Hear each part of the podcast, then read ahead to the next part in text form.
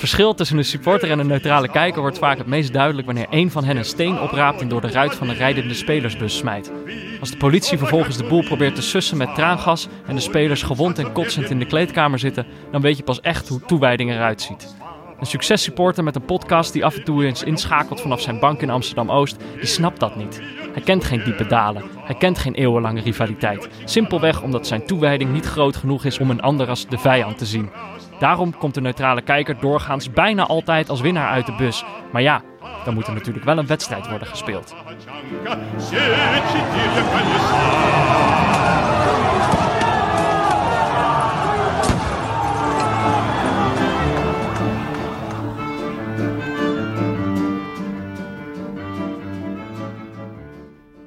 Ja, Jordi. Ja, Peter. Er er is geen wedstrijd gespeeld. Nee, dat klopt. Eh, we- wat dat betreft eh, een, een andere uitzending dan anders. We hebben geen wedstrijd. Maar we hebben wel een mens. Ja, er zit hier een mens aan tafel. Dat is ook voor het eerst. Het is niet Harry. Het is niet het is ook niet Raffi. Het is eh, Pieter Zwart. Hey Pieter.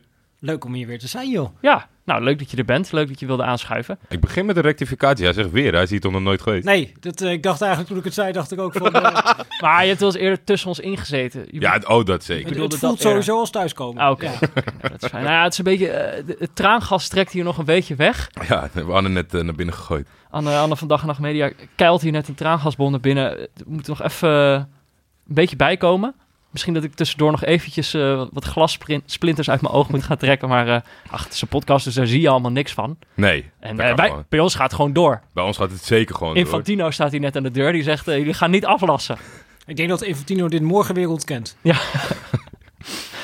Eh Jordi, heb je nog wat gedaan deze week? Eh, ik, zit, ik zit net te kijken. Ik heb het niet chronologisch opgeschreven. Maar we beginnen op vrijdag. Ja, nou want, ja, dat, want dat hakte er het meest in, denk ik. Ja, ik stelde het als vraag, maar jij stuurde mij gewoon jij stuurde mij een foto eh, op vrijdag. Ja, Je bent van een, van een, nou ja, je moet het zomaar uitleggen, maar je zei in ieder geval, ik heb in ieder geval weer wat over, om over te praten in de komende podcast. wat stond op die foto die jij stuurde? Eh, de- mijn kookeiland stond al. Maar Aha. dan moesten ze alleen voor terugkomen. Of tenminste, ze moesten terugkomen voor twee dingen om de keuken af te ronden. Dat was een, eh, een afzuigunit. Die hebben ze netjes opgehangen. Maar toen mijn vader 's middags eh, even langs reed om te kijken hoe ver ze waren, toen waren er geen mensen in mijn huis. Maar er lag wel een heel groot stuk marmer aan de zijkant. maar dat was ongeveer de helft van wat het marmer ooit was. En marmer, de, het, het, het, werkblad van, de aanrecht, Oh ja. van het kookeiland eh, hebben ze in tweeën laten breken. Ja, dat is, eh, dat is heel zuur. ik, toen ik dat zag, toen dacht ik, wist ik eigenlijk, toen bedacht ik me opeens van, ik weet eigenlijk niet wat er nu gaat, wat er nu dan moet gebeuren. Wat is nu, wat is nu het vervolg aan deze, Ja, het, ik, ik vond denk ik het vervelendste aan het hele gebeuren. Want het, het kan gebeuren, maar het, is, is, het lijkt keihard. Maar het is dus niet zo heel sterk. Nee. Eh, het is geen graniet of zo. Maar ik, nee, ik, we zijn er zelf achter gekomen in plaats van het telefoontje. Dat vond ik wel jammer. Ja. Dat, denk ik, kom je Hmm. binnen en denk ik allemaal vragen. Uiteindelijk is het gewoon, ja, ze gaan het vervangen. En ik moet eh, vier tot zes weken wachten. En dan komen ze het eh, vervangen. Maar je, eh, dan kan je nog niet koken, maar je, gaat er toch, je woont er toch nog niet, toch? Ik woon er nog niet, maar ik, de helft die is blijven liggen, daar zou ik eventueel wel een, een tomaatje op kunnen snijden. of, of een simpel pastaatje op Moet- kunnen voorbereiden. Ik vond het wel heel chic, ik vond het wel chic uitzien. Op, op inderdaad, op die, op die andere helft na. Op die breukrand na. Ja, op die breukrand. Nou, het zag er wel eh, het zag er mooi uit. Het gaat de goede kant op, denk ik. Ja, zeker. Ik, een ander dingetje, want ik, ik probeer dit eh, te, te weg te stoppen. Oh ja, Ja, eh, sorry. voor de rest gaat hartstikke goed met thuis. Oké. Eh, superleuk. eh vastluister Michel Dodeman die kwam met het feit dat je aandelen kon kopen van Real Murcia. Een ploeg, ja, nou ja, een ploeg vanuit het verleden valt ook wel Spaanse mee. club? Spaanse club hebben wel eens op het hoogste niveau gespeeld, maar het is was Niet meer. Nee, nee, nee, ze zitten nu op het derde of vierde niveau. Jij zo. bent aandeelhouder, toch? Ja, ik, jij dat toch? Ja, nee, ik heb hem ook al dit weekend al woest gemaakt, want we hebben eh, de st- stadsderby verloren van eh Oekam. eh, oh, maar je hebt, je hebt aandelen gekocht? ik heb aandelen gekocht en net zoveel aandelen dat ik mag gaan naar eh, aandeelvergaderingen. Aandeelhoudersvergaderingen. Ja. Ja, nu moet die trainer eruit. ja, nee, dat is simpel. Simpel. Je zag het afgelopen... Nee, het is gewoon zo laag dat er geen stream van te vinden is. Uh-huh. Dus we moesten de, de Spaanstalige eh, live blog op Twitter volgen. Dat was heel moeilijk. Maar 2-1 verloren. Hele slechte partij. Verdomme. Eh, onrust. Onrust. Ja, Onrust. jij gaat op de ALV... eh, je handje opsteken. Ja, oh zeker, zeker. Ik, ik zocht nu al naar een leuk gifje van witte zakdoekjes. Die was er helaas niet. Ehm, ik weet niet, Pieter, heb jij nog leuke dingen meegemaakt deze week? Leuke dingen meegemaakt. Ja, leuk of niet leuk, maar ik, mijn is ook niet altijd leuk. Nou ja, wat, wat Heb je eigenlijk nog een anders... keuken gesloopt deze Ik week? heb geen keuken gesloten. Maar wat anders zeker in een minuut had gekund, is dat eh, eh, zaterdagmiddag was ik aan het werk. Mhm. Dan denk je, nou, dus eigenlijk zoals het altijd gaat, dat je denkt, het gaat hartstikke lekker. Moet je En, nooit eh, denken. Ja, dat je denkt, iedereen heeft een plan. Nooit op- gemakzuchtig geworden. Ja, totdat hij op zijn neus geslagen wordt. En dat gebeurde nu weer. Eh, we hadden een live blog, hartstikke mooi live blog. En er zat een toto-advertentie in en daar hoorde een poll in. En degene die zeg maar eh, zaterdagmorgen de dienst geopend had, die dacht op een gegeven moment... Ja, misschien is het wel leuk als ik alle polletjes verwijder. Hij had zelf ook geen idee waarom hij dat gedaan had. Maar die had ze allemaal verwijderd en opnieuw aangemaakt. In een vlaag van verstandsverbijstering. En toen hadden we geen werkende poll daar meer in. En dat wordt gemaakt bij ons via wat ze noemen een uh, Blueconic-dialoog. en dat is een systeem, daar kunnen drie mensen kunnen daarmee werken. Eentje die zat op Thailand. De tweede die was eh, onbereikbaar en ziek.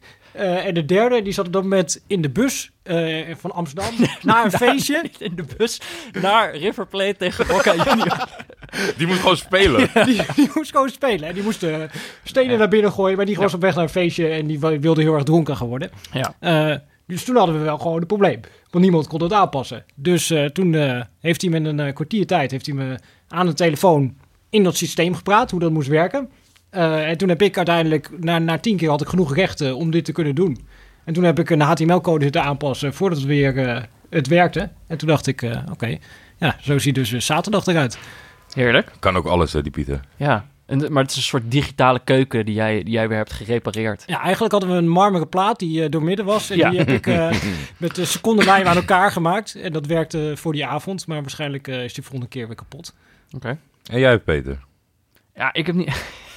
Nee, ja, ik, zie, ik zit ook weer te kijken in je aantekenen. Je hebt gewoon weer niks ik gedaan, zat hè? op de fiets, ik zat op de fiets hier naartoe. En ik dacht, eh, ik, ik, toen, toen dacht ik opeens, ja, Jordi heeft al allemaal dingen gedaan deze week. En sta- ik heb eigenlijk niks om te vertellen over mezelf. Nou, toch wel. Het was natuurlijk de hele, hele weekend was het zo, die wedstrijd werd al steeds uitgesteld. En dan Ja. was het onduidelijk of hij dan later gespeeld zou worden of niet. En eerst, toen was het heel eventjes zo dat het toen zaterdagavond om kwart over elf nog gespeeld zou, zou worden. Toen dacht ik echt zo, oh, dan zit ik tot, tot een uur of één eh, die wedstrijd te kijken. Als het niet nog later wordt, als het weer 2-2 wordt of zo. Ehm, maar ik dacht eigenlijk ook van, ik wil ook niet dat het naar zondag gaat. Want ik had dan op zondag, had ik dan, mijn vriendin was het weekend weg. Ze kwam dan zondagavond thuis en dan zouden we samen een film gaan kijken. Eh, die nieuwe film van de Coen Brothers, die nu op Netflix staat. The Ballad of Buster Scruggs. En ik wilde die heel erg graag zien. En op een of andere manier heeft dat dan zo in je hoofd het dan zo'n plekje gekregen. Zondagavond ga ik dat doen. Maar toen werd die wedstrijd dus verplaatst naar zondagavond. Dus toen dacht ik, oh, ik wil gewoon, ik wil gewoon die film kijken. Weet je wel, als ik dat plannetje in mijn hoofd... Ik had hem ook een andere avond kunnen kijken. Maar als ik dat plannetje eenmaal in mijn hoofd heb, dan gaat het er niet meer uit. Maar die film is dus hartstikke goed. Want ik heb hem dus uiteindelijk kunnen kijken. Want de wedstrijd werd alsnog... En Jordi die wilde Afgelast. naar zwangerschapsgymnastiek. Oh, wilde, wilde. De- de- Je moest. Je gaat een commitment aan, eh, Pieter. Je, je tekent voor vier, oh eh, ja. voor vier, eh, voor vier Dat, afleveringen. is, dat heb jij zondagavond gedaan. Zwangerschapsyoga. Gym. Ja, maar ja, ik denk, ik maak een grapje. Want ik dacht, dat doe ik net als de vorige keer. Ik log in op het moment dat ik thuis kom. En dan zit ik een drie kwartier achter jullie. En dan kijken we. Want dan doe ik wel een keer niet uh, scheidlollig tweeten. Ja. Maar ik doe dan mijn telefoon op vliegtuigmodus bij de cursus. Want eh, oh, leidt ze niet af. En ik doe hem aan. En ik zie allemaal berichten binnenkomen dat hij weer eruit... Dit, Ja. goh, de- ik vond het wel kloten wat dat betreft. Want ik denk, nou ja, ik had me wel redelijk eh, zitten verheugen... tijdens die twee uur luisteren naar die vrouw met alle tips en tricks... eh, dat ik zo meteen is- weer lekker voetbal kon kijken. Wat moet, je, wat, doen je, wat moet je dan doen bij eh zwangerschapsgym? Ja, gym, dat is, is het niet. Oh. Want dat is eigenlijk alleen voor, de, voor degene die zwanger is. Mhm. Dan kan je zwemmen of yoga of Ah, ja. gymmen. Maar hier krijg je gewoon wat eh, eh, informatie, denk ik wel. Veel informatie, veel, veel beelden. Het is heel, heel beeldend. Dus dat je een beetje voorbereid bent op wat er allemaal kan gaan gebeuren. Mhm. En nou ja, eigenlijk was gisteren was wel de meest Je moet interessante. het leren visualiseren. Ja, ik weet ook ja, misschien Zoals wel om, om, om, de, om, de, om de shock weg te halen of zo. Maar eh, ik had het liever gehad dat het in twee was gedeeld. Het was nu drie keer eh, over de bevalling en dan één keer over de eerste week van het kind. Of tenminste het eerste uur, eerste dag en eerste week. En die, dat, daar had je gewoon heel veel aan. En dat was, eh, dat was, dat was eigenlijk wel prima. Oké. Ja, dit- je, je, moet, je moet hem met zijn beentjes tegen de onderkant van de wieg leggen. Mhm. Omdat als je boven ligt en hij gaat naar beneden draaien met een dekentje, dan komt hij onder het dekentje. Dan moet je voor oppassen, hij mag niet onder het dekentje. ja, nou, ja, Ja. wist jij dat? Ik niet. Nee, nou ja, nu weet ik Ja, het. nee, dus nu eh, kan jij ook... eh, Je bent helemaal voorbereid. Oh, ja, ik had nog wat toegezegd naar onze luisteraars. Ja. Ik denk, eh, als men zo vriendelijk is om, om de aankondiging, de online zetting, tweet te delen en er niet te liken. Jij hebt Want altijd heeft niemand aan. Retweets moet je doen. Je moet Ja. retweets, want dan Jij, ging, jij gaat altijd retweetjes kopen. kopen, ja. Vind ik wel. Kopen, eh, je gaat Ja, ervoor maar je, je, moet, je moet mensen een beetje wakker schudden. Want weet je wat, dit, dit- we gaan twee dingen, ik ga eerst even terugkomen op iets anders, want de betrouwbare mannetjes, die Oh, zijn ja? eh, de Volkskrant uh, uitgebonjourd. Ja, schande. Ja, Ik ben er kapot schande. van. Pieter? Ja, belachelijk. Ja, Ja. ja. ja, betrouwbare mannetjes. Media Hoe kom je anders aan je mening? Nee, ja, inderdaad. Zeer geliefd bij iedereen. En op het moment dat zij dan mededelen dat ze eruit zijn, Mhm. dan gaat iedereen keihard tweeten en allemaal dingen schrijven. Maar dan moet je gewoon doen tijdens dat ze het leveren. Want Ja. dan denken ze bij de Volkskrant, hé, hey, dat Oh, leeft. ja, En dat, is, dat gaat best wel vaak fout met in- mensen die initiatieven tof vinden. pas als je niet meer bestaat. Maar dan denken ze van, ja, ik luister toch elke week, moet ik nog meer doen? Ja, aan iedereen vertellen. Dus, Briese hoofdredacteur, Benda. hoofdredacteur van VI knikt uh, bewonderen. Ja, Zeker. nee, ja, dus eh, we gaan nu beginnen, want dat heb ik eh, beloofd. Ja, jij, eh. jij gaat mensen nu bedanken als ze het hebben geretweet. Ja, Briese Benda, Jurre, Relevant, Dimitris Netilidis, ik denk dat hij Grieks is, Mark P. Lambert, Dankjewel. Galatasaray Holland, Dat ben jij. dat ben ik niet, Oh. dat is eh de trouw luisteraar. Je En, eh, retweet heel vaak. ja, het is een superleuk eh, Galatasaray-account. Eh Buddy, Peter Buurman, Hey. bedankt voor de retweet, Rick. Peter. Ja, geen dank. Rick Lindeman, Dag en Nacht Podcast, Hey, dankjewel. Dag en nacht podcast. Hans den Dekker, Tom, Frank de Bruin, Gijs, Anne Janssens. Oh ja, Volgens mij heeft hij twee accounts. dankjewel. Ik ken, niem- ik ken iemand die. Dat is ook een podcast. Ja, Over is ook kinderen. Anne, toch? Over kinderen en opvoeden toch, joh. Die, die moet je gaan luisteren als voorbereiding. Ik, ik, ik ga, ik, ga dat, eh, ik ga dat zeker doen. Jorrit, Tanner, Sandor Saitos, Rafi Sitaldin, Jeroen Verrijt, Erik de Jager, Staal, Wat heb je veel retweets gekregen? Wouter Boerkamp, Jong, Jong, Jong Toerbekke. Jan Torbekke. Ja. Zal dat een SO zijn naar de, naar de, het. naar de oude Toerbekke? Nou, de, ja, hoe heet het? Die, met van die wet. ja, Nou ja. En dan we zijn er nog steeds niet. Peter Oh, Verwij, Thijs Prinsen, Birol Akkoes en Brin. Wat Dank jullie wel. Dank jullie wel voor de retweets. Nou, nou ja, dankjewel. Want want je had ook al eerder, zei je, retweet voor goed geluk of zo? Of retweet Voor een goed gevoel. voor een goed gevoel, ja. Nou ja, dat kan ook. Maar ik denk Ja, maar er zijn dus best wel veel mensen geweest die hebben die tweet gezien. En dan scrollen ze en dan retweeten ze niet. En dan denken ze, ja, dan, toch dat kutgevoel. ja dan zitten de rest van de dag met kutgevoel. Nou, nu we toch met luisteraars bezig zijn, we hebben nog een paar rectificaties. Eh, eh, een paar, ja, we kregen heel veel, eh, zo daar, we kregen heel veel over, over het vissen, voetballers die vissen. Ja? Waar, we zijn er blijkbaar een aantal vergeten. We werden sowieso gewoon gewezen, er is schijnt een, een Facebookpagina te zijn. Ja, Voetballer en vis. En dan was de headerfoto, was Heitinga met konijnen. Dan werd iemand dan weer boos op die Facebookpagina. Van, hoe kan je nou Oh, een pagina beginnen over vissende sporters en dan een konijnenfoto? die Facebookpagina werd gerectificeerd. Ja, Nou ja, eh, maar er, we zijn, er waren nog andere voetballers. Mensen hadden eigenlijk een soort toevoegingen of zo. Anne van Dag en Nacht Media had het over Henk Vos. ja. Henk Vis. Ja, slechte, slechte hashtag van Anne was dat. Schrok ik van. Ja. En Tim Arts kreeg veel. Ja, mensen gingen dat dan aan ons richten. Maar dat was gewoon, wij lazen zijn eigen tijdens sport voor. Mhm. En eh, daar ging het over eh, de En- elleboog van Kluivert naar Ja. Stalens. Dat was natuurlijk niet tegen zijn hoofd dan, maar tegen zijn borst. Ja. Ja, ik vind het, ik vind het goed dat, eh, dat, dat ook zeg maar, de mensen die ons mailen gerectificeerd worden, dat ze daar ook daar scherp op zijn. Ja, ik bedoel, wij zijn de mensen die het voorlezen, maar ik bedoel, wij kunnen er natuurlijk ook niks aan doen dat, dat mensen verkeerde dingen insturen. Ja, dat werd onder andere geconstateerd door Pieter IJspeert, Ja. Joris de Boer en Stijn Kools. Pieter IJsbeert, eh, in het eerste seizoen dat ik bij, dat ik bij het voetbalteam kwam, Ja? speelde hij daar ook nog een paar wedstrijdjes mee. Dus dat Was een een oud teamgenoot. Ja, en weet je waarom hij wegging? Omdat hij een kind kreeg. Is hij Ja. gestopt met voetballen?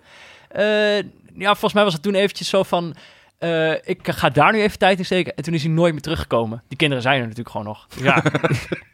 Eh, maar leuk dat, Dat je hij na drie jaar beslist, ik ga toch weer voetballen. Ja, leuk dat hij luistert. Eh, leuk, Pieter. Dankjewel ook voor de, voor de scherpheid. Nog één dingetje. Ja, berichtje van de laatste RBC-supporter. Ja, die hadden we van de, van de zomer zo genoemd. Maar ik weet dat er op Twitter nog eentje Oh. is. Danny Paantje. Oh, er zijn nog twee het zijn twee, twee RBC-supporters. Ja. jij hebt gezegd dat Nederland 3-0 won van Frankrijk. maar Oh, dat ja. was tegen Duitsland. Ja, dat, die heb ik best vaak gehoord. Dat was natuurlijk een stomme fout. Maar moet hij scherp houden. Dus, ja, dit is heel goed. Dankjewel. Eh dankjewel voor de scherpte. Ehm, ja, we kunnen het nu over de, over de wedstrijd gaan hebben, die er dus niet gespeeld is. Ja. Maar natuurlijk niet voordat we naar een woordje van onze hoofdsponsor zijn geweest. Kiks.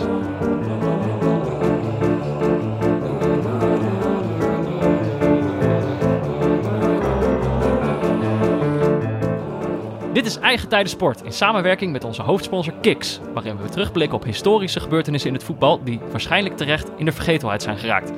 Deze week Max Molovic. Max, die kennen we nog van de zomer. Ja. Die heeft een heel vriendelijk stukje over ons geschreven op de website Sargasso. Sargasso. Sargasso, Ja, dankjewel. dat was een heel leuk, eh, heel leuk stukje. Heel leuk, heel lovend. Eh, hij mailt. Beste neutrale kijkers. Ik, ik neem aan dat je je kinderen ook mag opgeven voor eigen... Het wordt een soort kinderaflevering. het gaat allemaal over kinderen. Ik neem aan dat je ook je kinderen mag opgeven voor eigen tijden sport. Is Ik- dat zo? Ja, hij neemt het aan. Ja, bevestig Laten het deze, hierbij. zeggen- laten we deze zeggen nee. Max Molovic het- is de laatste. We geven het verkeerde voorbeeld, maar het moet eigenlijk wel over jezelf gaan, vind ik. Anders gaat elke luisteraar gaat zeggen... Mijn, mijn zoon of Ja, mijn of dochter krijg je heeft buurjongetjes. Ja. Moet je nou met een buurjongetje? De- Mijn buurjongetje heeft een keer gescoord. nou en? Nou, ja, dus oké, dus Max Mollevic kind is de laatste. Hij zegt, mijn zoon... mijn zoon... Oh ja, oh, ik voetbal zelf niet en heb ook nooit gevoetbald. Mijn zoon voetbalt wel, al sinds zijn vierde. Maar is met zijn negen jaar nog iets te jong om zich niet alleen voor het spelletje, maar ook voor het gelul erover te in- interesseren. Ik spoor hem wel aan om naar jullie te luisteren, maar tot nu toe luistert hij liever naar André Hazes en Kraantje Papi. Om maar te zeggen, hij zou zich niet zo snel zichzelf opgeven voor eigen tijden sport, dus ik moet dat maar doen. Vind ik op zich wel een goede uitleg daarvan. Ja, zwaar als vader lijkt me dat als je kind naar eh, Kraantje Papi gaat luisteren. Het doelpunt waar ik het over wil hebben is deze zomer gevallen, tijdens het WK. Op 23 juni om precies te zijn. In de eerste zeven seconden van de eerste wedstrijd van het tweedaags toernooi... dat mijn zoontje samen met de F1 van SV Zwolle speelde in het Duitse Goldenstedt. Het toernooi werd geopend door de plaatselijke burgemeester... en door een blonde man die An An Ansgar Brinkman bleek te heten... maar stevast der wijze Brazilianer werd genoemd. Hij was de enige voetbalverdette die Goldenstedt heeft voortgebracht. Wikipedia leerde ons dat Brinkman destijds het enfant terrible van de Bundesliga was. Moest onder andere een boete van 36.000 euro betalen voor mishandeling en vlucht in Osnabrück te, v- te, te voet voor een alcoholcontrole. Die Dat zijn de betere Die verhalen. heeft gewoon zijn auto laten staan en die is weggerend of zo? Of, Ik denk het wel. of zou die ook lopend gecontroleerd worden op... eh, nou ja, ik weet het niet. Eh, Ja, nu? bin, bin bis 5 Uhr früh in meiner Stammkneipe zu erreichen, zei zijn antwoordapparaat als je hem belde. Kortom, een uitstekend voorbeeld voor de jeugd. Maar nu het doelpunt dat ik graag aan de vergetelheid wens te onttrekken. Mijn zoon Misha en zijn team hadden een vaste opening. Misha trapte de bal vanaf de stip naar Teun, de linksback. Teun wacht even.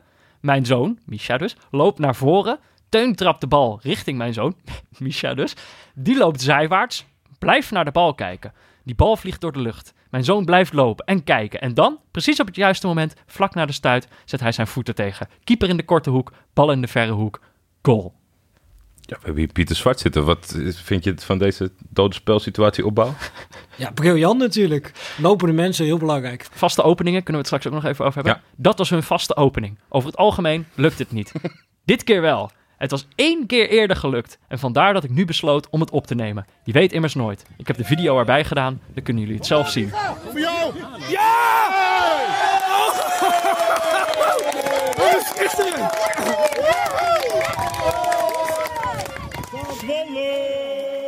We hebben hem gekeken. Ja. Dat was echt heel goed. Het is gewoon een heel mooie goal. Het is een per- perfecte goal. Het enthousiasme is... Je hoort ook dat de ouders langs de kant precies weten welke, hoe de opening moet gebeuren. Dus ze roepen ook al, je moet nu naar hem. Ja. in Nederland wist iedereen dit, maar die Duitsers hadden die beelden Duitsers- nog niet bekeken. Die hadden duidelijk eh, zich niet zo goed voorbereid. Zal toch een beetje, je ziet daar, hè, die zomer was natuurlijk Duitse voetbal eh, in, in vrije val. Nou, dat, eh, dat vond daar ook plaats. Geen laptop training, anders had je dit voorkomen. Wat zo leuk was, is dat dat, dat, dat zoontje gaat dan, die juicht dan met zijn teamgenoten. En die teamgenoten zijn gewoon allemaal een kop groter. Ja, hij is, hij is klein van stuk, maar des, te, des te gevaarlijker Grap. voor de goal. En eh goede timing, hij trapt hem goed binnen. Eh, laatste stukje van de mail. Uiteindelijk werden ze tweede. toch weer verloren van Duitsers. Net zoals de Zweden dat die zaterdag, op het WK dus, ook hadden gedaan. Het verschil is wel dat de F1 van SV Zwolle dat weekend ook 34 keer van Duitsers had gewonnen. Ik dacht, dat is al een lang toernooi hoor. 34, dat lijkt me... 34 keer? Dat- Iets 34 aangedikt. wedstrijden? Nee, dat kan niet. Dat kan ook niet. Ik kan niet in de tweede dag toernooi. Ja, 34 keer. Max, ik snap dat je trots bent op je zoon. niet gaan liegen. Niet gaan liegen. Anders wordt, ja, of je wordt gerectificeerd door iemand die even dat eh, toernooi die dat toernooi gaat opzoeken. Eh, liefst Max Molovic, fan voor het leven. Mooie, mooie, Ja, mooie. Daar word ik helemaal warm van. Nou ja, eh, het zoontje van Max, Misha, was natuurlijk niet de enige die ooit in Duitsland vanaf de aftrap scoorde. Dit seizoen van Neutrale Kijkers gaan we op zoek naar jullie voetbalmomenten, die waarschijnlijk terecht totaal in de vergetelheid zijn geraakt. Heb je ooit een penalty gemist op een belangrijk moment? Scoorde jij ooit een omhaal toen niemand keek? Heb je wel eens een hakje gedaan? Stuur het ons op. Mail je eigen historische voetbalmoment naar neutralekijkers.gmail.com. Wij geven jou de aandacht die je verdient in eigen tijden sport. En dat doen we natuurlijk samen met Kiks, waar je op je eigen tijden sport. Bij Kiks kun je namelijk voetballen zonder verplichtingen. Zonder team, zonder club, zonder lidmaatschap. Gewoon voetballen. Kijk op kiksvoetbal.nl slash neutrale kijkers en probeer het. Gratis uit. Nou, de pot van de podcast. Oh, daar hadden we een leuke nieuwe suggestie voor. Heb ik die gemist? De Cracker of the Week. Oh, ja, ja, ja. ja. Eh, naar, naar natuurlijk eh, Ruud Gullit. Die, Vrij eh, van, Ruud Gullit. on paper a cracker. Ja. Maar dat, is, dat biedt opeens kansen. Want die, diegene die dat... Oh, sorry. Dit is, ik ben het nu dus aan het... Ik, dit schiet me nu te binnen. Dus ik kan nu even niet opzoeken wie dat, We kunnen wie dat instuurde. nou, volgende week rectificeren. Ja, eh, rectificeer ik het. In ieder geval, die had meteen ook al de suggestie... dat we dan kunnen laten sponsoren door een crackermerk. Lu of zo. Of, of dat hij zei, heeft ehm Sebon niet toevallig een goede cracker of zo? Jij wil de Waza Cracker of the Week. Ja, nee, oh, dat komt omdat ik ben bang dat, dat, dat mensen ons, zeg maar, een matige aanbieding gaan doen. En als ik dan aan een Lucrekker denk, die is heel karig. En denk, ja, heb ik zo meteen thuis tien dozen Lucrekkers staan. Moet Oh, ik? Waza, knekkenbreud. Waza, is- ja, zo'n Waza-ding is nog wel eh, te kanen bij het ontbijt. Knekkenbreud.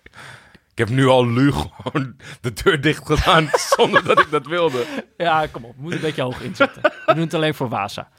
Ehm, even kijken. Cracker of the Week. Ja, eh, was eigenlijk eh, Het enige gecrackt was het raam. eh, River Plate tegen Boca Juniors. Tweede leg van de Copa, finale van de Copa Libertadores. Ja, we hebben het er al een beetje over gehad. Maar het werd uiteindelijk afgelast meerdere keren. Eh, het exacte moment waar het misging was spelersbus...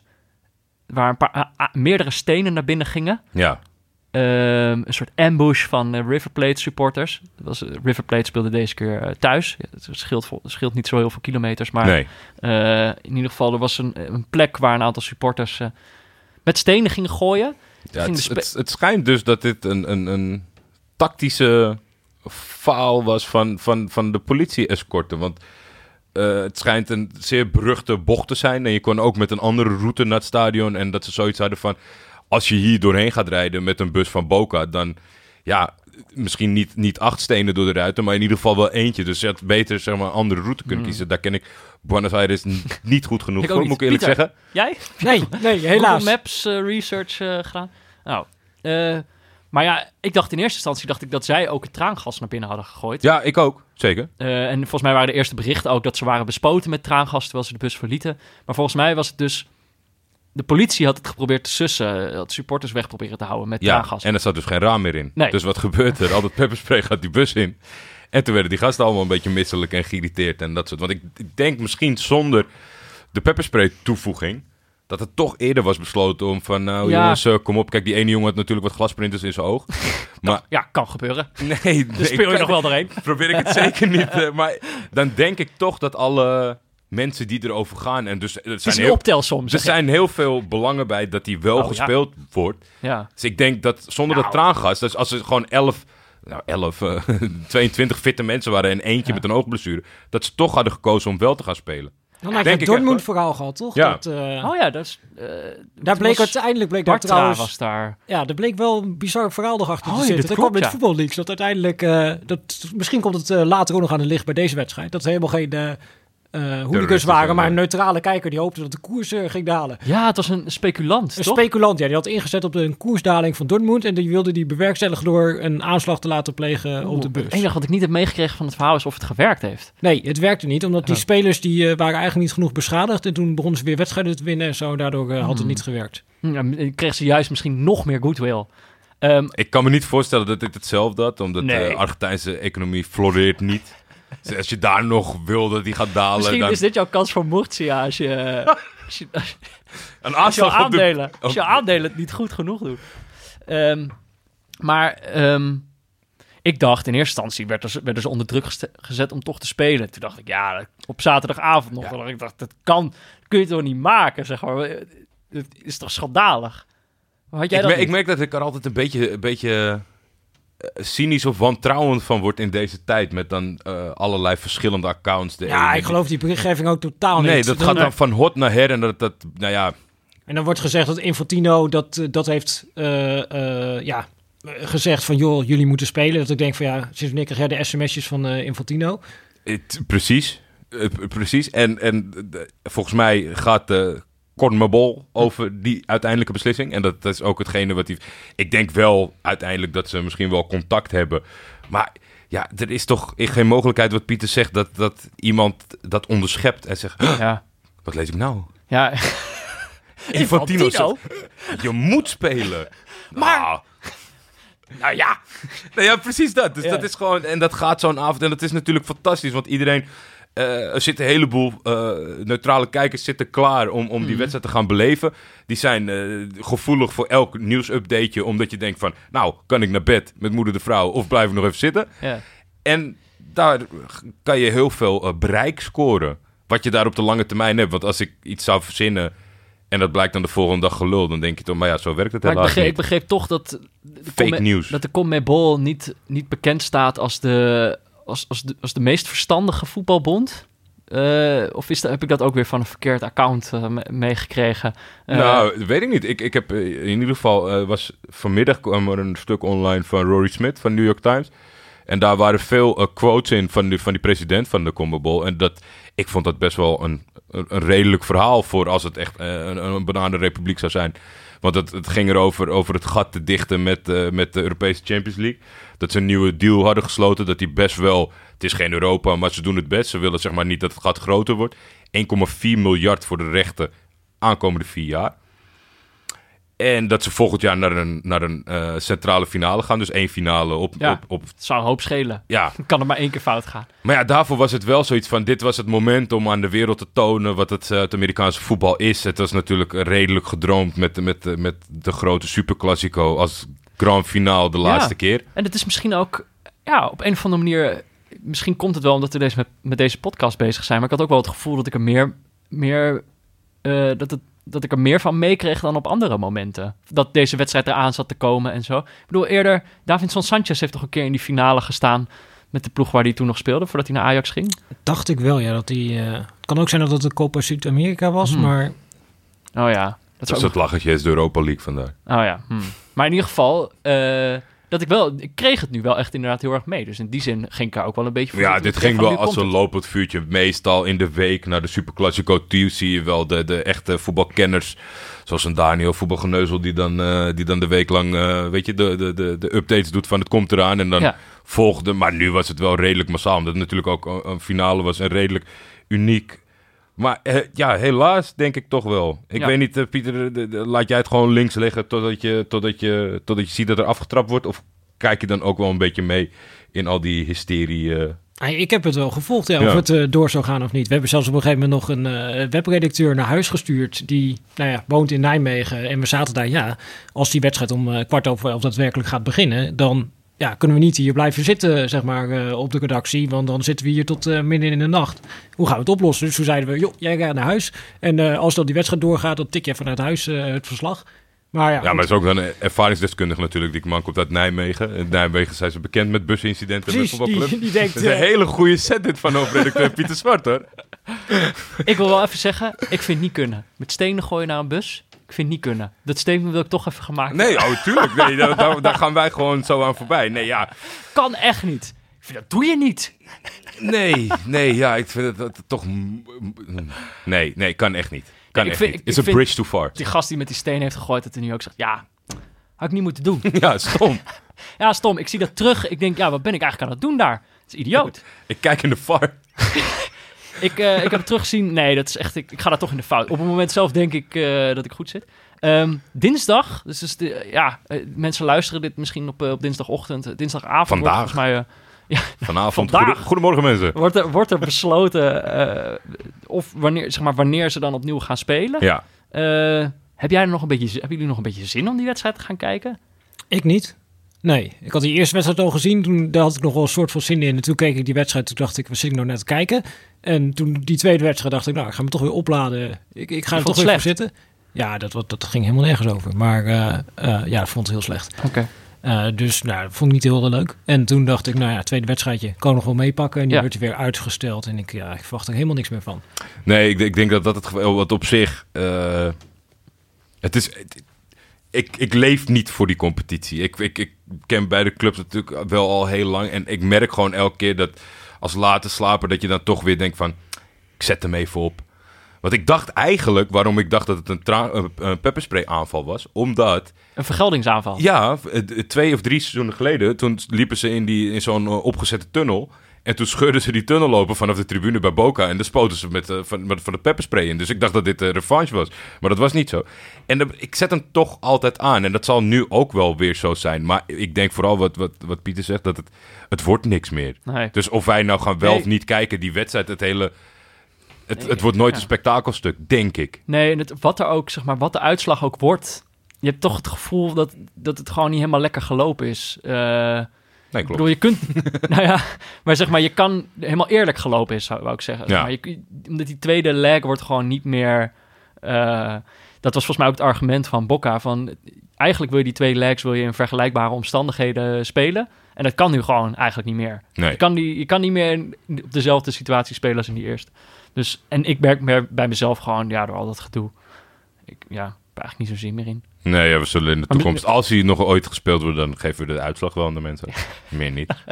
nog één ding voordat, voordat we naar, de, naar het volgende gaan. Ik, ik, ik weet niet of je daar een mening over hebt, eh, Pieter. Ik had het laatst met Julian van Wessem erover. Marcelo Gallardo, de trainer van River. Jij vond het eerste duel niet zoveel, maar het het is wel... Ik vind het een hele interessante trainer. En meestal als je, zeker als speler, maar ook als trainer laat zien in die Zuid-Amerikaanse top... Dan, dan wil het nog wel. Maar hij zit daar nu al eh, geruime tijd. Dat is Heb wel je- vreemd, ja. heb je iets aan, aan onderbouwing waarom je denkt dat, dat, hij daar, dat hij daar blijft zitten? Of dat niemand hem weghaalt? Of wil hij niet weg misschien wel? Ik weet niet waarom hij eigenlijk niet weggaat. Want hij heeft best wel goed eh, gepresteerd. eh, Ja. Meerdere jaren achter elkaar. En het is ook wel redelijke resultaattrainer. Zag natuurlijk ook in die eerste wedstrijd. Dan gaat hij gewoon eigenlijk gaat hij gewoon, heel defensief gaat hij spelen om daar gewoon het resultaatje te halen. Eh, Volgens mij ook in hele slechte tijden gekomen. En, en, en volgens mij wel weer, ja, ja, als je in de kopfinale staat, eh, helemaal weer terug aan de top. Nou, ik denk dat hij een beetje richting eh Simeone gaat, ook qua, qua stijl, zeg maar, waarop Ja. hij eh, zijn ploegen laat spelen. Het is ook wel echt, eh, ja, dat ze zoveel lopen dat je denkt van, eh zitten jullie aan de doping? Het is, eh, het is wel echt heel veel energie. heel veel energie wat er bij. in zit. Maar ja, ik heb geen idee waarom die man Nee. niet ergens anders de kans krijgt. Ik ben benieuwd of, eh, of we die in Europa gaan zien op eh, afzienbare tijd. hey, eh, aangezien Pieter hier nu toch zit, Ja. dachten we, moeten, moeten we ook even gewoon de aandacht op hem richten. Minder om over, over de wedstrijd te praten, Ja. meer om over Pieter te praten. Altijd leuk. We hadden eigenlijk één, één echte grote vraag die we aan jou, aan jou wilden stellen nu je hier zat. We hebben het nu natuurlijk, we zijn een beetje op een zoektocht naar het neutrale kijken. Wat is dat nou eigenlijk als je niet zo'n toernooi hebt? Wat is dan wel leuk om te zien, wat is niet leuk om te zien? En we vroegen toen aan jou, wat is jouw ideale neutrale pot? Hoe ziet dat eruit? Stuur jou onmiddellijk een filmpje. Ja, de, de, de ultieme neutrale pot, dat was natuurlijk eh Bayern München, dat op bezoek ging bij Barcelona. Toen eh, Pep Guardiola trainer was van eh, Bayern München, tegen het Barcelona dat nog heel erg leek op het Barcelona van Pep Guardiola. En het leuke aan zo'n wedstrijd is zeg maar, je hebt A, twee teams die echt van topniveau zijn. Dus die spelers die zijn gewoon van het ultieme niveau. Eh, je hebt één team wat gewoon een duidelijk idee heeft. En dat is dat gewoon in iedere wedstrijd eh, altijd gaat toepassen. Dus dat is Barcelona. En je hebt een andere team, dat heeft de trainer, die gewoon een beetje, nou ja, die zit een beetje altijd tussen de genialiteit en gekte. Dan zit hij altijd, zit hij daar precies, die balans is hij aan het opzoeken. Dus die dacht op een gegeven moment, ja, Barcelona die willen opbouwen. Misschien is het leuk om eh, Barcelona één op één vast te zetten achterin. Dus ja, die speelde gewoon één op één achterin tegen Suarez, Messi en Neymar was het toen nog. Ja, dat eerste kwartier, dat was een groot spektakelstuk. Eh, De ene na de andere kans voor eh, Barcelona, die op een gegeven moment gewoon lang gingen spelen op Suarez. Ja, en dan eh, had je Suarez, Messi en Neymar eh, in de 3 tegen 3 tegen, volgens mij was het eh Rafinha en zo, die stonden toen nog eh, achterin. Ja, dat, eh, dat werkte wel voor Barcelona. En dan zet hij na een kwartier zet hij het om en eh, nou ja, dan kreeg je best wel een eh, spectaculaire wedstrijd. Ja, dus dat, dat soort wedstrijden, daar ben ik heel enthousiast van. Het komt eigenlijk niet op Guardiola, want het is een team van Guardiola tegen een ploeg. Voormalig Guardiola. Dus het, eigenlijk de ideale wedstrijd van Pieter is twee keer Guardiola. maar, maar is dat dan, jij vindt dan, is dan echt zo'n tactisch steekspel, is dat voor jou eh, een, een must om van een wedstrijd te kunnen genieten? er is natuurlijk best wel vaak een schreeuw bij, bij hoogstaande niveaus van het is een schaak, schaakspel. En dat vindt dan niet iedereen even leuk. Nee, en er is wel een verschil tussen een schaakspel en een schaakspel. Kijk, als je Mourinho hebt tegen Simeone, dan heb je een schaakspel waarvan ik op een gegeven moment ook denk van ja, hartstikke leuk jongens, maar over eh, zes uur is nog steeds 0-0. Het is leuker als je schaakspel hebt met twee trainers die echt willen aanvallen en echt een idee hebben, zeg maar. Niet dat je geen idee hebt als je aan het verdedigen bent. Of een verdedigende ploeg tegen een aanvallende ploeg is ook nog wel leuk. Maar als je twee verdedigende ploegen tegen elkaar, dat is niet leuk. Maar bijvoorbeeld eh, een ploeg van Guardiola tegen een ploeg van Klopp... die probeert hoog druk te zetten Ja. tegen een ploeg die altijd wil opbouwen. Ja, dan krijg je altijd een soort van interessant spel van welke stijl die krijgt de overhand. En ik geloof wel dat het een wedstrijd leuker maakt als je twee teams hebt... die elkaar ook nog bestrijden vanuit een verschillende stijl. En ook nog twee teams die echt een hoog niveau halen. Dan krijg je eigenlijk leukste wedstrijden. En heb je dan van tevoren, heb je dan van tevoren al, al een idee van dit is waar het gaat botsen of zo? Weet je zoals je die stukken voor VI schrijft, kom je alleen achter dat soort dingen als je je er helemaal in verdiept? Of eh, zet jij een wedstrijd eigenlijk al aan en dan denk je, oh ja, eh, dit gaat er gebeuren of zo? Of dit zou er kunnen gaan gebeuren? Je hebt meestal wel een paar ideeën in je hoofd van wat er eh, zou kunnen gebeuren. En dat hangt ook een beetje af, zeg maar, van, nou ja, ken je die trainer, weet je ongeveer wat hij doet, weet je hoe zijn ploeg eh, speelt, wat ongeveer de opties zijn die hij zou kunnen gebruiken. En soms zijn er gewoon twee ploegen waarvan je weet, oké, de ene gaat dit doen en de andere gaat dat doen. Hoe gaat dat zich ontvouwen? Dat is een scenario, maar ja, als je het over Guardiola hebt, dan weet je bijna altijd van, nou ja, als hij een belangrijke wedstrijd speelt, dan gaat hij iets verzinnen. En gewoon iets wat anders is dan dat hij normaal gesproken doet. En dat werkt niet altijd. Eh, soms werkt het wel. Eh, dus En zit je dan te kijken van, Ik dacht ook de gebald vuistje als het uitkomt.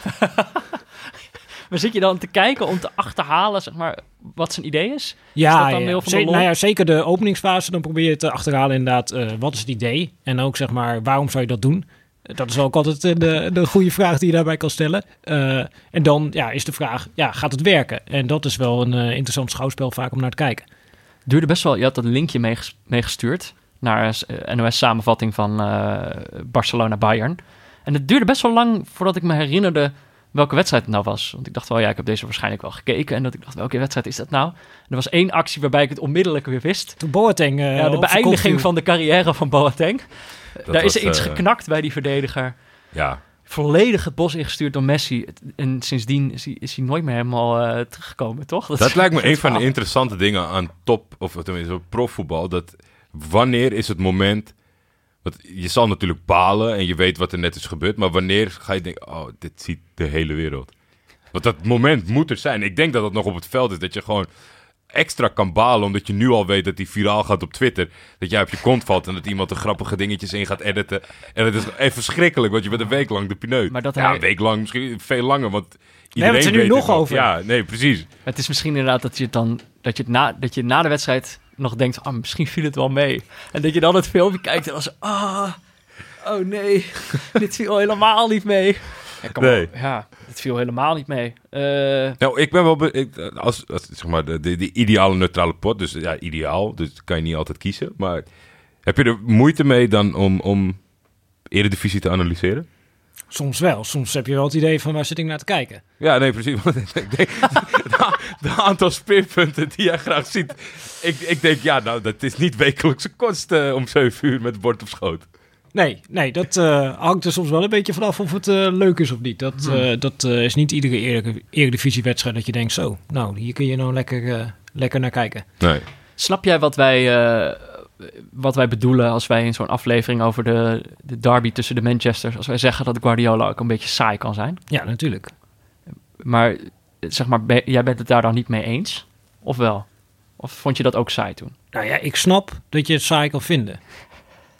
Maar ik vind het meestal niet heel erg saai. Omdat eh, ik zie wel in dat het ook knap is dat het gebeurt. Eh, en nou ja, dit was misschien niet de, de allerbeste wedstrijd. Maar tegelijkertijd, ja, je ziet ze weer een bepaald... Hun basisniveau is tegenwoordig zo hoog. Dat is redelijk absurd. En dit is zeg maar wel een ploeg waar ik denk... Ik heb er laatst ook een stuk over geschreven, zeg maar. Manchester City breekt alle records, maar niemand kijkt er nog gek van op. Dat... Dit, dit is een absurde ploeg. Zeg maar, als wij over 10, 15 jaar terugkijken, dan zeg je over deze ploeg, ja, dat was ongelooflijk. Eh, dat hebben we daarvoor in Engeland nooit gezien en hebben we daarna ook nooit meer gezien. En nu zit je er iedere week naar te kijken, ja, stikken weer. Ik zag, ja, het zal wel. Het, is ook bijna alsof die spelers dat zelf een beetje hebben. Ik zat, eh, god, ik weet niet meer tegen Afgelopen weekend tegen West Ham.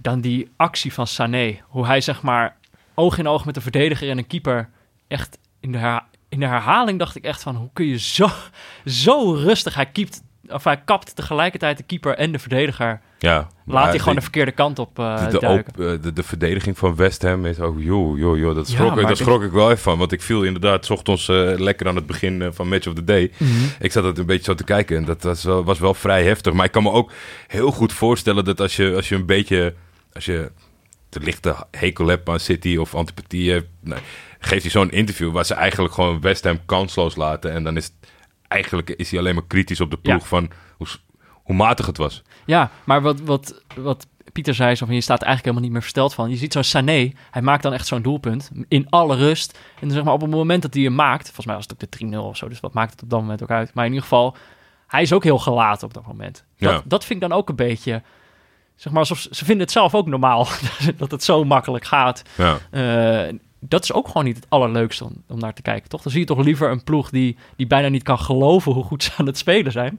Eh, dat is ergens het jammer, ja. Dat het eh, enthousiasme soms een beetje weg lijkt te zijn. En tegelijkertijd is het best wel bijzonder. Ik bedoel, eh, twee jaar geleden, toen zeiden we nog met z'n allen... Ja, nou ja, dat zie je wel, dat kan niet. Op deze manier voetballen in Engeland. Nee. Als je dan uitspeelt tegen West Ham, nou, die gooi je de beuken in. Dan kun je niet op die manier Kun je het voetballen. ook op een regenachtige middag in Stoke, Ja. toch? En, Ja, nu, tegenwoordig makkelijk. en nu denken we, nou, hoeveel gaat het worden op deze regenachtige middag eh, in in Stoke. Stoke?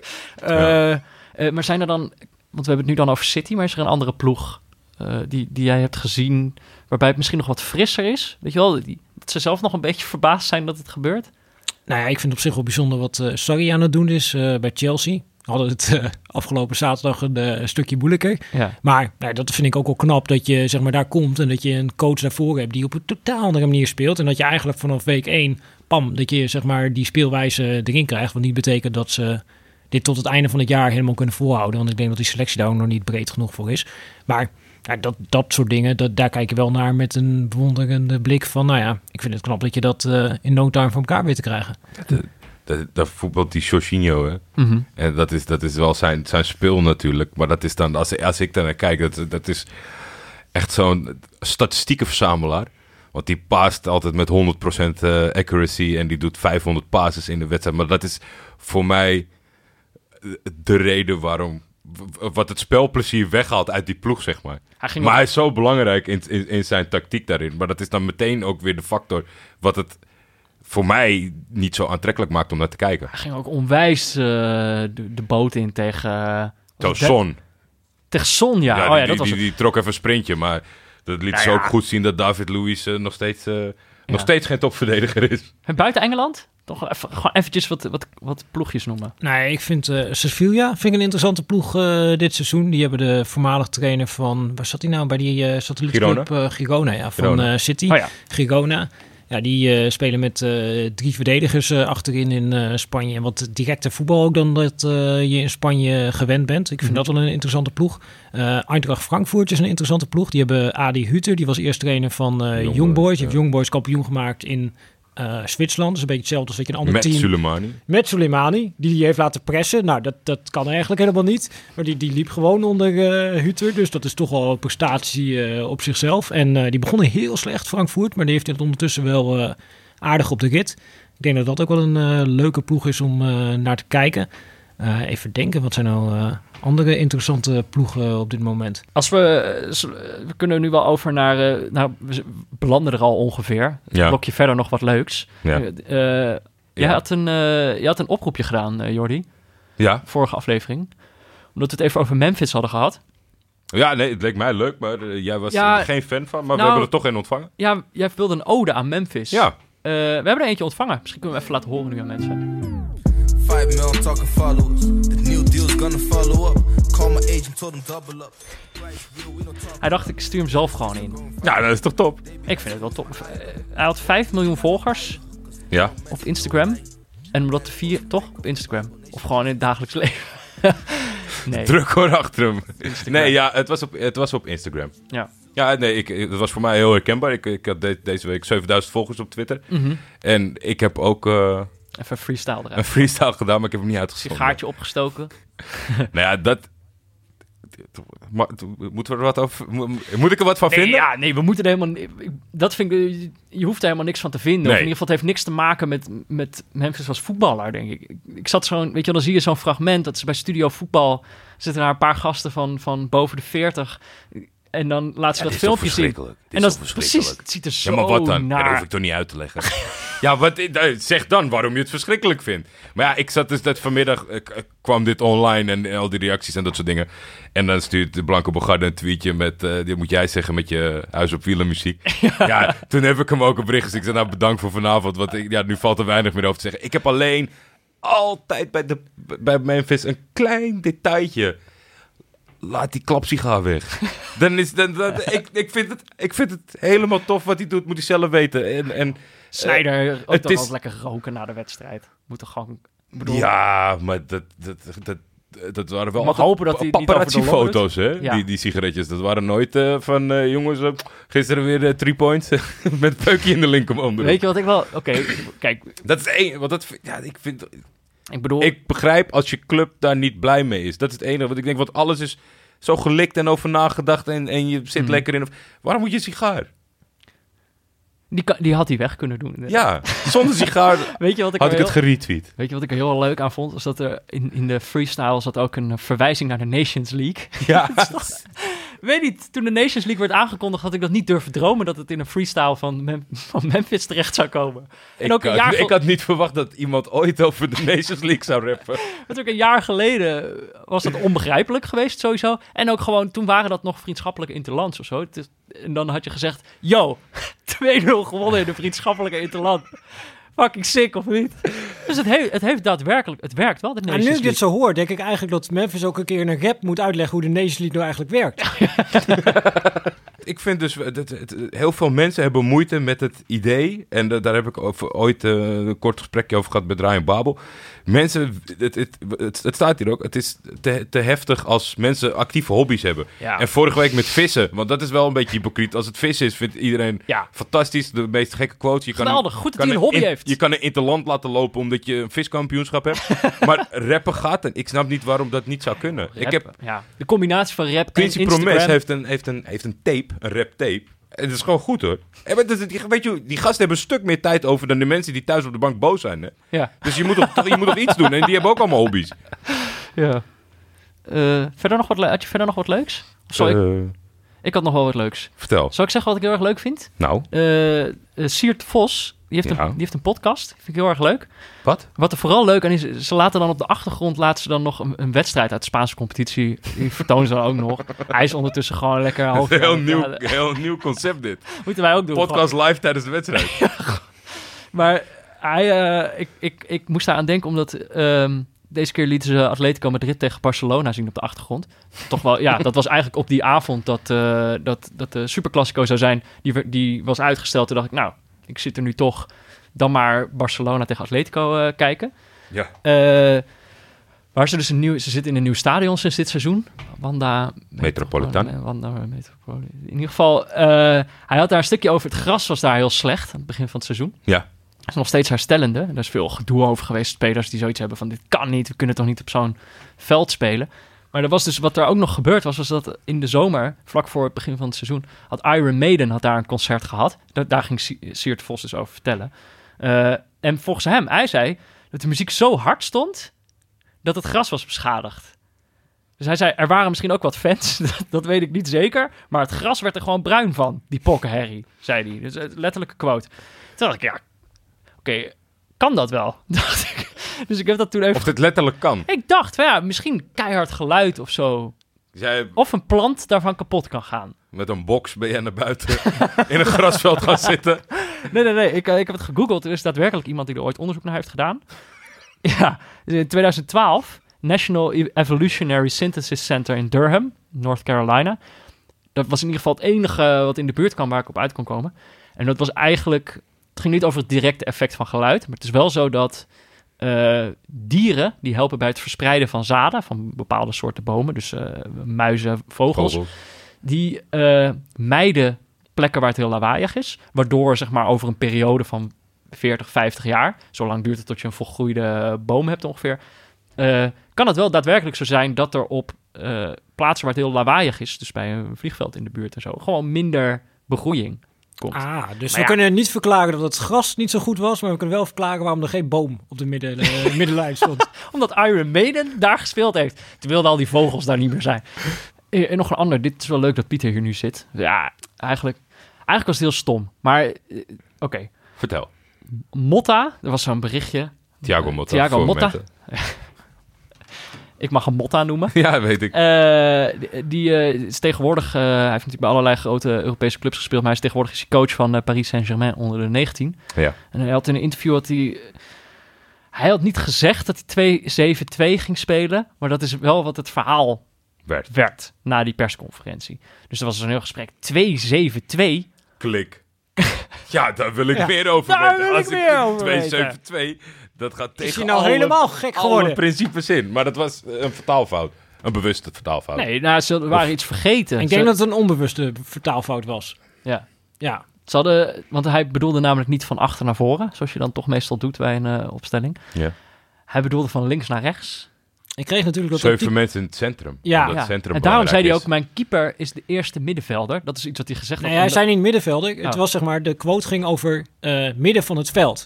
En hij had het natuurlijk over die 272 van links naar rechts in plaats van van achter naar voren.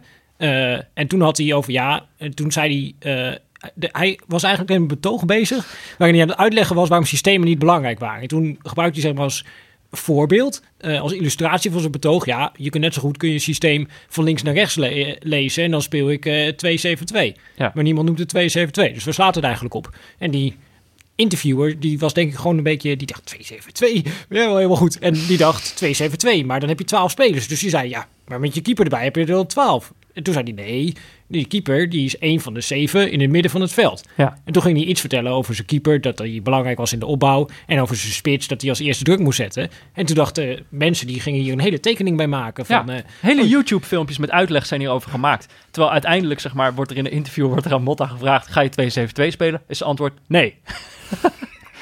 nee. Terwijl dan is dat hele verhaal is er al. Ja, maar mensen- zelfs dat was dus niet zo. Want toen zei hij dus iets van ja, 272. eh dus dan is je keeper bij het midden van. En toen zei hij nee. Eh, Oh ja. En ja, het, het ging natuurlijk uiteindelijk helemaal nergens over. Maar dat was een enorme vertaalfout. Nou, maar zo'n stukje komt online. En gaan allemaal mensen gaan mij dit appen. Van oh ja, jij bent van de tactische dingetjes. Nou, hier gebeurt pas iets tactisch.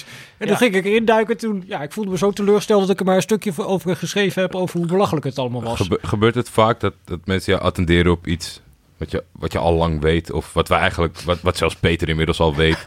dat, dat mensen, Frenkie de Jong. ja, Daar zou je een keer naar moeten kijken, Pieter. Ja, soms gebeurt dat, maar eh, het is sowieso wel fijn dat mensen je attenderen op dingen die interessant zijn. Want soms is er ook een, weet ik veel, een ploeg waar je eigenlijk niet echt naar kijkt. En dan is er altijd wel iemand die zegt, oh ja, maar je moet daar naar kijken. Dat is pas echt eh, hip wat daar gebeurt. En dan kun je dus een keertje een blik op werpen en kijken of het eh, interessant is. Dus wat dat betreft eh, zou ik zeggen, vooral blijven roepen. En nou weet wat je vraagt hè, in deze podcast. Ik dacht, eh, dat 272-verhaal is echt zo'n voorbeeld van, zeg maar, er wordt iets verkeerd verstaan. En daar heb je vervolgens een heel gesprek over. Ja. Maar ja, dat is eigenlijk gewoon wat deze podcast is. dacht ik, ja, het is wel ongeveer letterlijk. Ik denk wij- trouwens eh, serieus dat wat jij net zegt, dat het, dat een trucje is van de nieuwe generatie eh, trainers. Om te zeggen van, ja, je kan het zo- zo lezen, je kan het zo... Waarom hebben we het eigenlijk nog over tactiek? Andere vraag. Dus dat ze eigenlijk no- nooit meer echt inhoudelijk over hun tactiek willen praten. En het daardoor maar afkappen met, ja, dat zijn maar cijfers. Ja, je kan het ook zo lezen, je kan het ook zo lezen. Een soort belangrijk. theoretische verhandelingen. Ja, Ja. ja, Dus dan Ach ja, systemen. systemen, wat ach, zijn dat nou echt? wie, wie heeft dat nou eigenlijk nodig? Ja. En zo duik je natuurlijk een heleboel eh, diepgaande gesprekken. Als ik zeg Crescencio Somerville. Ja, dan denk ik... Wat zeggen eh, jullie dan? Dan denk ik... eh, nieuwe, nieuwe paparazzi-rubriek bij de VI. ik heb het toevallig gelezen vandaag. Ja, te laat online gekomen. Te laat online Ja, we gekomen. waren later dat AD. En eh, Jezus. dit, dit hadden we om half Oh, één. oh, oh. Later Maar te laat het- komen, Pieter. Ja, zo, Kan zo, niet. be- zo begon mijn morgen. We hadden dit om half één hadden we dit binnengekregen in de VI Nieuwsbak. En iemand die werkt... Half één s'nachts? Half één s'nachts. Hadden wij, hadden wij gewoon de grote scoop. En toen was net iedereen naar huis die de avond de voordienst had gehad. En dan om zes uur s morgens begint iemand ja, vol goede moed met zijn dienst vanuit huis, up, stukjes tikken. Maar die had vergeten in de mailbox te kijken. Dus die had Oh, het niet gezien. oh, en toen oh, om oh. half acht of zo, ik zat op de redactie. En toen kwam er een appje binnen van, ja, waarom staat het bericht eh, nog niet online? En toen dacht ik, oké, ja, het is zondag. Eh, en eh, ja, toen hebben we het meteen online gezet. Maar toen waren we dus later dan het AD. Terwijl het nieuws eerder hadden dan het AD. Ja. Ja, het dus nieuws- ik heb nu een negatieve Ja, ik- associatie nou bij deze naam. Maar de nieuws voor de mensen die het gemist hebben. Crescencio Summerville is een, eh, is een jeugdvoetballer van Feyenoord. Ja. En eh, die, het bericht dat naar buiten kwam is dat hij een handgemeen heeft gehad met een, eh, met, een, met een medespeler van hem. Waarbij ook de broer van Crescencio be- betrokken was.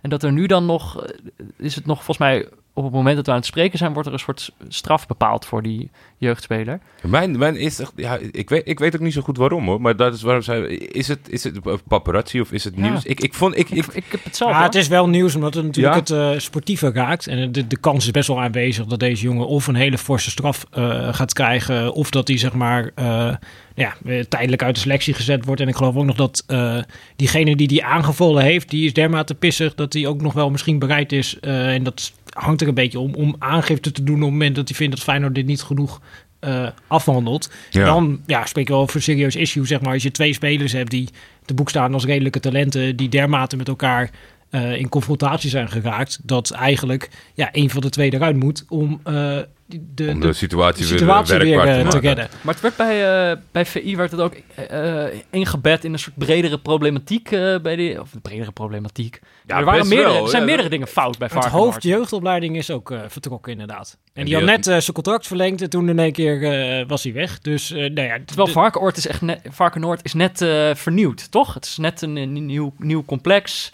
Ze gingen een nieuw... eh, En dan denk je, nooit meer ruzie. en dan toch, hè? Meer 30 seconds moeten ze spelen. blijkbaar. Ja, nee, ik, ik- zullen het zien. Ik vind het verder inderdaad, het, is, het voelt een beetje als een paparazzi verhaal. Dat, dat het gewoon een jonge jongen is. Ja, misschien in de, in de bredere context dat het nog steeds wel inderdaad een probleem kan worden of een serieuze aangelegenheid. Maar Ja. dat had ik er vooral bij toen ik het las. Hmm. Dat ik dacht van, Ja, omdat het zijn, jeugd, jonge het zijn jeugdspelers. Ja, Kijk, als, het, als dit Van Persie en Torenstra zijn of eh, weet ik, dan moet je het haast wel brengen. Want dan, dan zal, al- ja, weet niet. Maar als, eh, als je het later dan het AD was, heeft de AD dezelfde overweging genomen. Dezelfde beslissing. Ehm, over jeugdspelers gesproken. Ja, Hoe, ga, hoe, die, hoe heet die 14-jarige jongen uit eh, Paraguay ook weer? Fernando Ovelar. Hij Is, hij alweer op de weg terug? Is ja, na, 14, na ja. zijn, eh, na zijn debuut waarin hij scoorde en eh, een gelijkspel eruit wist te slepen in de klassieker van Paraguay, werd hij natuurlijk de eerstvolgende wedstrijd na 60 minuten gewisseld. Ja. Toen heb ik hem eigenlijk afgeschreven, zoals dat hoort. Maar En volgens mij is het... eh, daarna heeft hij nog twee wedstrijden, een paar minuten, of tenminste wel een aantal minuten gespeeld. ja, Maar ook- niet, ook hij weet niet meer telkens- te scoren. Hij, hij is het kwijt, denk ik. Hij is het helemaal kwijt. Het doelpunt maken is hij kwijt. Ja, Ja, zijn ontwikkeling eh, stokt. ongelooflijk. Hè? Zo vroeg gepiekt. Hij is over zijn top. Ik denk dat we dat Ja. Maar hij, is, hij, wordt, hij speelt elke keer een uur. En dan wordt hij gewisseld. Er komt Nelson Valdes, die je misschien al nog wel kent. Zeker. eh, uit het verleden bij eh, Dortmund en eh, nog wel wat andere clubs. Die ik, niet zo kan oplepelen. maar in ieder geval echt zo'n speler op zijn retour, 34. En die mag dan het laatste half uur nog even invallen voor die gast van 14. die in de dat- lijnen staat. Heb je, daarvoor dan, heb je daarvoor dan 20 jaar in de Europese top eh, een beetje mogen, mogen keihard werken? Nee, ja, ik denk dat dat uur vooral te maken heeft dan wel met een ouderlijke beslissing. Dan wel, misschien eh, hebben ze ook eh, kinderrechten of, of dit, er zitten toch ook niet, tijden ja. aan gebonden en dat soort dingen. Ja, ik denk het wel. Het is gewoon te laat. Ik bedoel, eh, al die adrenaline van zo'n wedstrijd. Nee, je doet geen oog dicht hoor, als je dan 90 minuten pakt. Dus die ouders zitten ook zo, te weet je, wel, zoals Dirk Kuyt met zijn horloge zitten ze zo. Hij moet eruit. Ja, zo zitten er bij ons Oh, ook af en toe een paar hè. Maar vandaag gelukkig weer niet. Nee, geen, eh, geen horloge bij ons deze week. Hey, ehm, zullen we even kijken welke wedstrijd... eh, kijk, we hebben nou nog... we, hebben, we hebben de afgelopen twee keer... Uurtje uitstel en niet doorgegaan. Precies, dus we hebben een goede... Welke wedstrijd zullen we deze week verstoren met onze... eh, Ja, ik wou net zeggen, er zitten nu een heleboel eh, k- supporters van sommige verenigingen niet ons kijken. Eh, ja, er is volgens mij heel veel interessant voetbal eh, voor neutrale kijkers dit weekend. Ja. We hebben een kort lijstje gemaakt. eh, met zaterdagavond zou je kunnen kijken naar Real Madrid-Valencia. Ja. Daar, eh, meestal gaat het beter met de interim, maar dat was afgelopen weekend niet het geval voor Real. Hij is nu geen interim meer, hè? Dus ik denk misschien Is dat... definitief oh ja. Ja, want je mag in eh, Spanje mag je maar twee weken mag je onder interim status eh, werken. En daarna moet je een contract geven. Dus hebben hem, ja, hij won. Dus toen hebben ze een contract gegeven voor 2,5 Tuurlijk. jaar. Ja, Voor Wist jij 2,5 jaar. Ook Ja, ja, ja. keurig weer. Het is echt goed Ben wist- was jij al op de hoogte van, van de, zeg maar, de interimregels in de Spaanse competitie? Of ben je dat door Solari geworden? ik ben door Solari hiervan eh wil eh, ik toch op de even hoogte checken. gebracht. Nee, nee, nee. Ik was niet eh, dat, ik, da- dat ik het hele regelboek had gelezen. Dat ik dacht van, ho, ho. Nu, nu moet hij een vaste verbindenis Maar ze- krijgen. ja, het gaat niet zo lekker. 3-0 verloren bij Eibar. Ik had, ik had nog net een stukje gekeken Ja. daarvan. Eh, in dat mooie stadionnetje van, eh van Eibar. 3-0. Ja, dat is een fikse, fikse uitslag. En ze krijgen Valencia, eh, Valencia aan de, in de winning mood eh, op bezoek. Want die wist eh, 3-0 te winnen bij Vallecano. Eh, ja, dat is, dat is niet bijzonder knap, maar eh, ja, Ja, het is wel 3-0. 3-0 3-0 gewonnen. Valencia 3-0 gewonnen, Madrid 3-0 verloren. Dus dat wordt gewoon een 0 nulletje. het is niet gek gedacht, denk Nee. ik. En dan hebben we natuurlijk eh, op zondagmiddag, kwart over vijf, Liverpool-Everton. Ja, jij noemde het meteen een cliché derby. Ja, de- niet... niet Omdat ze uit dezelfde stad komen. Nee.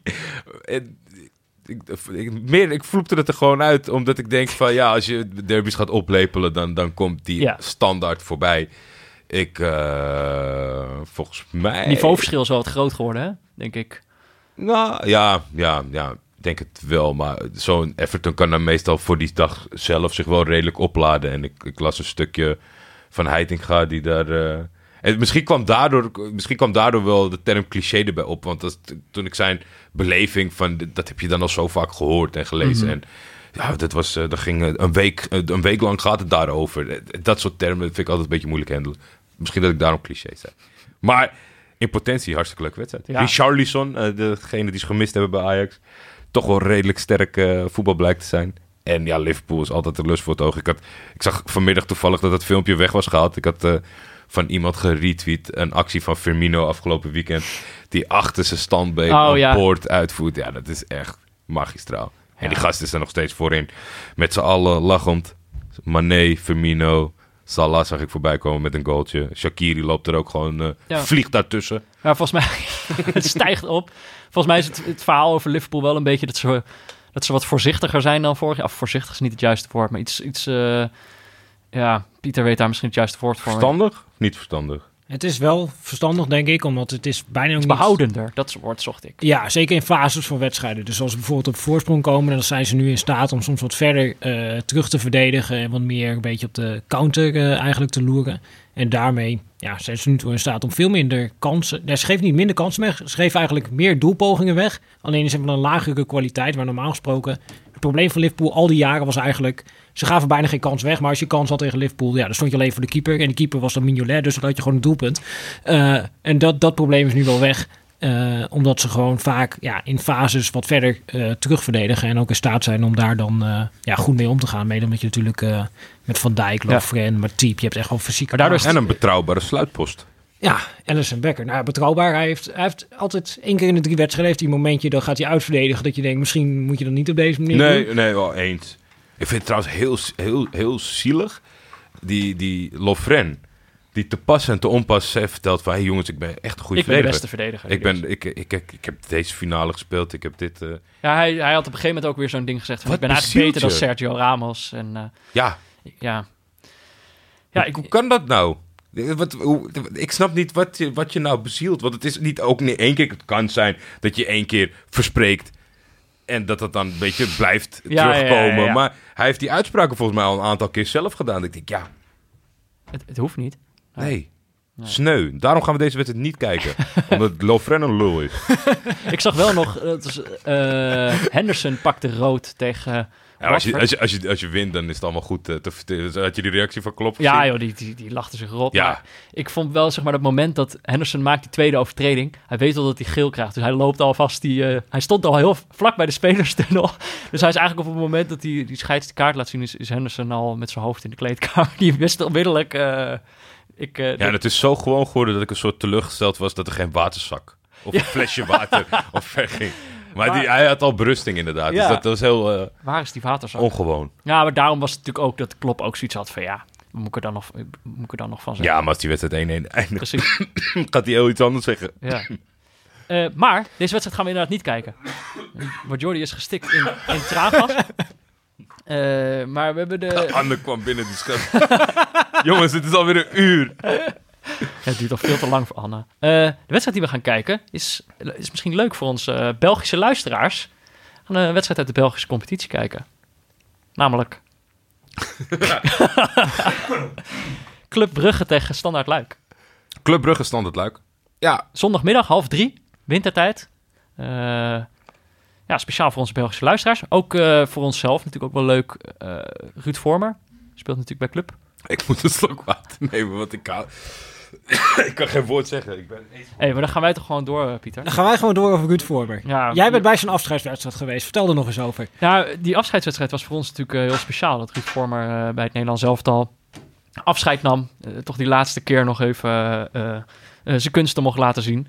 Eh, maar ja, hij speelt natuurlijk gewoon nog steeds bij, bij Club. Jij, eh, heb jij Luik dit jaar gezien? Ik heb Luik gezien. In de, eigenlijk de eerste maanden van het seizoen. Moeten speelden ze in de Champions League tegen Ajax. Dus toen heb ik... Ja. eh, ik heb alle wedstrijden in de voorbereiding van Luik gezien. Gewoon lekker 90 minuten. Ik bedoel, dat wil je. eh, Mhm. in de voorbereiding wedstrijden zien van Standaard Luik. Ja, En de eerste paar competitiewedstrijden heb ik ook integraal gezien. En toen heb ik ze tegen Ajax gezien. Dus ik heb eh, in het begin van het seizoen heel veel van Luik gezien.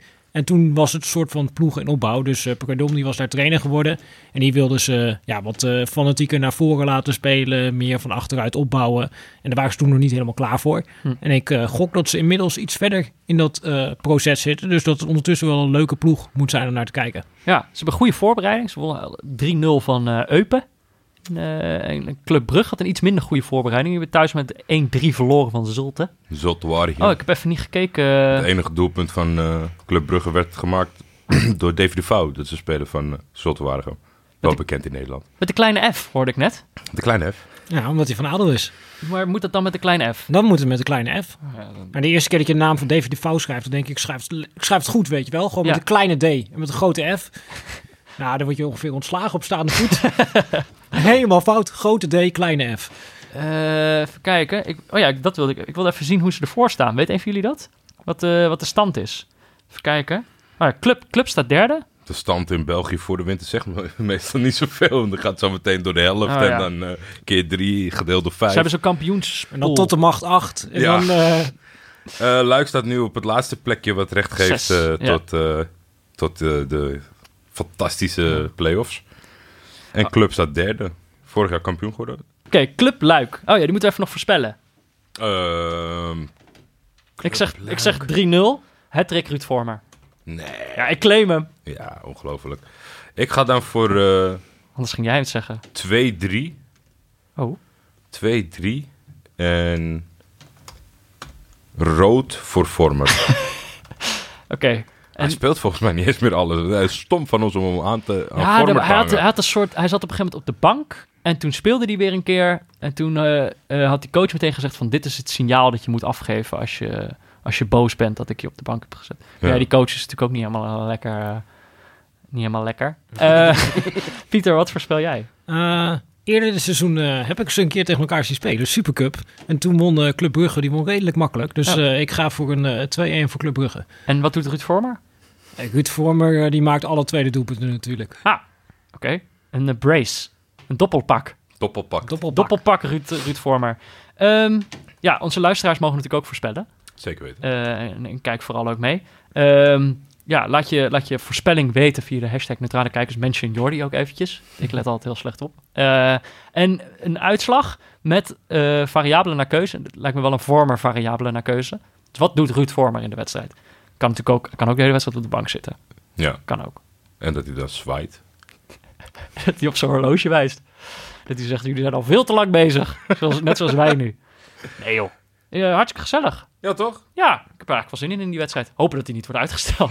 ja, je weet het maar nooit. Nee, je weet het zeker maar nooit. Dus wordt eh, het veld kan- afgekeurd of zo, ja.